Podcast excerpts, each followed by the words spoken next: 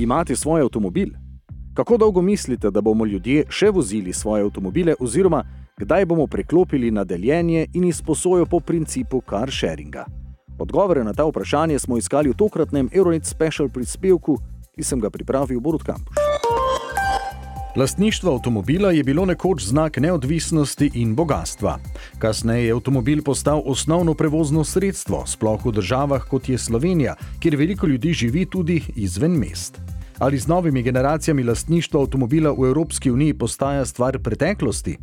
Ljudje namreč iz leta v leto poskušamo zmanjšati svoj oglični vtis, a vprašanje, ali se je mogoče odločiti za življenje brez avtomobila, ostaja odprto. A dejstvo ostaja, da prebivalci podeželja ne bodo mogli shajati brez avtomobila, a to še ne pomeni, da se ne bo organizacija mobilnosti v prihodnje vendarle spremenila. Andrej Brgles, predsednik Avtomoto Zveze Slovenije, sociolog in raziskovalec vsebin trajnostne mobilnosti, glede Slovenije izpostavlja, da.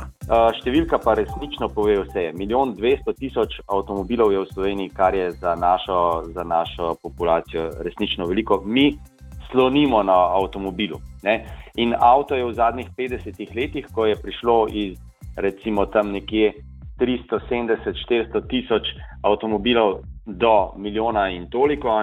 In zdaj, ne, kaj bo naredila mlada generacija? Tukaj pravzaprav ne moremo primerjati Slovenije z recimo Nizozemsko ali z nekaterimi drugimi državami, kjer se je že prej razmišljalo drugače, da ne bi potrebovali toliko avtomobila, da si ga ne bi želeli imeti toliko, da ga ne bi imeli, želeli imeti treh pri hišah in tako naprej. Ne? Tudi vodstva avtomobilskih koncernov si najprej niso mislili, da bi lahko prišlo do manjše potrebe po svojem avtomobilu znotraj Evropske unije, ki ima seveda zelo močno avtomobilsko industrijo. Proizvajalci avtomobilov so bili po besedah Andreja Brgle presenečeni že pri generaciji Y. Je pa bolj zanimiv pogled mogoče na generacijo generacijo milenicov, Y. Ne? Za to, za generacijo je avtomobilska industrija, še posebej v Ameriki in v Evropi, pred leti že bila v strahu, ne? da ne bojo kupovali avtomobilov. Se je že kazal trend, govoriva pa o velikih mestih, ne, ne, na, ne zunaj urbanih okolij, se pravi v velikih mestih. Se je kazal interes, da, se je kazal trend, da so mladi. Eh, milenici, ko so vstopili v obdobje 20 let, ko je bilo običajno, da naredijo vozniški izpit, ga niso več naredili. Ampak veste, kaj se je zgodilo? Takoj, ko so milenici dobili otroka, so naredili spit in kupili avto. Ponujajoče se vprašanje je torej, kako načrtovati prihodnost z ali brez avtomobilov, oziroma ali se bo z elektrifikacijo vse popolnoma spremenilo. Ali bo avtomobilov več ali manj, ali jih bomo najemali dnevno, mesečno, ali bomo vendarle kupili svojega. Glede tega Andrej Brgles izpostavlja, da. Za generacijo Z, ki bo prišla v leta, pa ne bojo več lastniki avtomobila, bodo pa avto še vedno uporabljali. E, tako kot se danes računa, da bo preskok se bo v naslednjih 30 letih zgodil tako, kot se je zgodil pri mobilnih telefonih. Najprej je bil pomemben nakup mobilnega telefona in je ta zelo veliko stal. Ne? Danes sam telefon seveda je pomemben in ga vsi imamo, ampak bolj kot njegova nakupna vrednost je pomemben mesečni obrok in to bojo ponujali avtomobili. E, avtomobilski proizvajalci, v bistvu mesečni najem mobilnosti. Ne pomeni pa to, da bo deljena mobilnost pomenila prehod na to, da avtomobilov ne bo več, ali pa da bi bilo bistveno manj. Se je pa v Sloveniji pred nekaj leti zgodil zanimiv preskok v samoorganiziranju ljudi.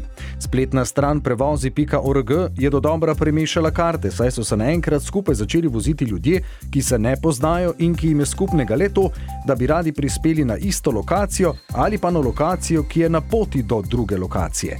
To izpostavlja tudi Andrej Brgles to mladi zelo uporabljajo, še, že od samega začetka. Ne? In ta je pravzaprav pokazal, da ni treba, da država subvencionira, ne vem, oglašuje, promovi, kakorkoli že um, nek, neko mobilnostno uh, novo pot. Ljudje jo najdejo, jo začnejo uporabljati, če jim ustreza. In tukaj je to, kar vse čas raziskovalci tudi opozarjamo, da uh, ljudje gremo na drugo obliko uh, prevoza, če ta izpolnjuje nekaj nujnih kriterijev. In to je, seveda, da je udobno, da je varno, da je cenovno dostopno in da, seveda, nam je na voljo. Ne. Vse ostalo pa zmaga avto. Ne.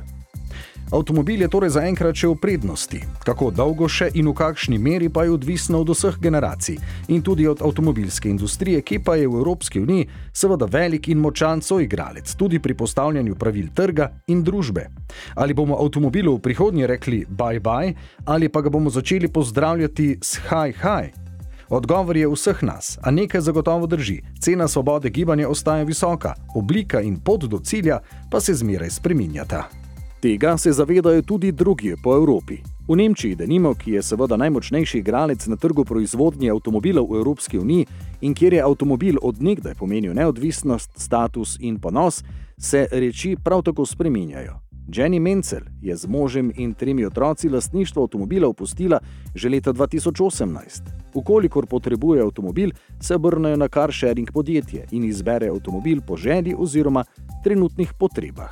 Jenny Menzel. Glavna ovira, zaradi katere je težko prostovoljno zamenjati avtomobil za drugo prevozno sredstvo oziroma se znebiti avtomobila, je, da si tega nismo mogli niti predstavljati.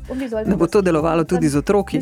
Zmeraj smo se bali, da bomo morali otroški sedež nositi na okolje in si predstavljati, kako bi to sploh delovalo. Pa recimo, naenkrat moramo zdravniku in zunaj dežuje, kako bomo to uredili. Šele ko smo se morali odpovedati avtomobilu, ker je bil po prometni nesreči neuporaben, smo videli, kako dobro deluje in kakšne prednosti prinaša. Tega do takrat nismo vedeli. Zdaj, v časih car sharinga, pa se je to spremenilo. Zmeraj lahko vzamemo avto, ki ga trenutno potrebujemo. Lahko rečemo, danes hočem voziti električni avto in ga tudi bomo. Ali pa danes potrebujem avtobus, zato bom dobil avtobus. Na te stvari ne mislite, ko imate svoje vozilo. Zdaj pa si predstavljajte svobodo najema avtomobila, ko vam zvečer nenadoma ni več treba iskati parkirnega mesta pred domom. Oder diese Freiheit, die man eben empfindet, wenn man abends keinen Parkplatz mehr suchen muss, weil es einem total egal ist.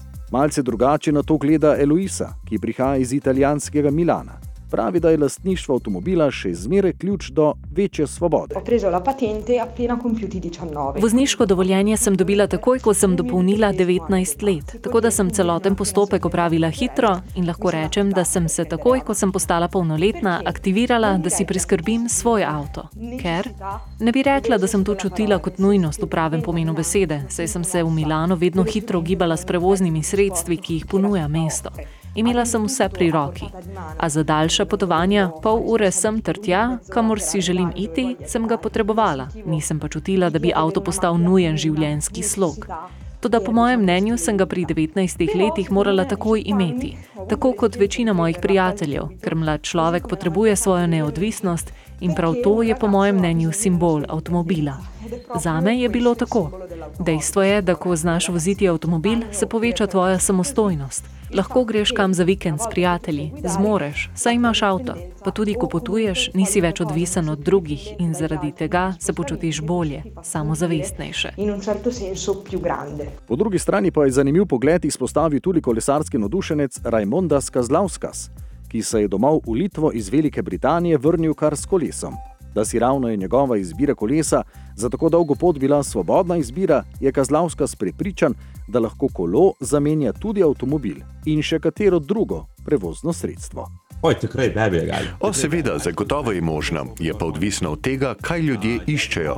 Če želite umirjeno potovati dolge kilometre, velike razdalje iz enega mesta ali države v drugo, je morda res bolj primerna možnost avtomobil.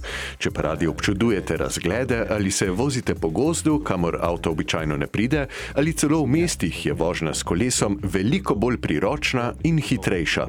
Torej, vse odvisno od cilja. Pripričam pa sem, da bo mogoče letala ali avtomobil avtomobile enkrat zamenjati. Kot ste lahko slišali, je izbira glede nujnosti lastništva avtomobila še zmeraj na strani uporabnika. Leta mora seveda upoštevati svoje želje in potrebe po času, udobju, velikosti in še čem. Res pa je, da v vseh državah Evropske unije ne gre pričakovati, da bi se prebivalstvo na enak način lotevalo opuščanja lastništva oziroma avtomobila, da bo kaj hitro preklopilo denimo na car sharing. Veliko prej in veliko lažje se od avtomobila ločijo prebivalci večjih mest dočim se prebivalci iz podeželja ali manjših krajev in mest še zmeraj soočajo z organizacijo lastnega in učinkovitega prevoza.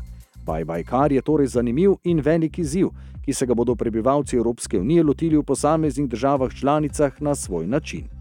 Kdo pa zna že danes povedati, kaj bo jutri? Prispevek sem pripravil Borut Kampuš. Projekt Euronet Plus. Boljše razumevanje Evrope. Euronet Plus, Milano, Zagreb, Tallinn, Bruselj, Sofija, Riga. vodilna radijska mreža za EU novice.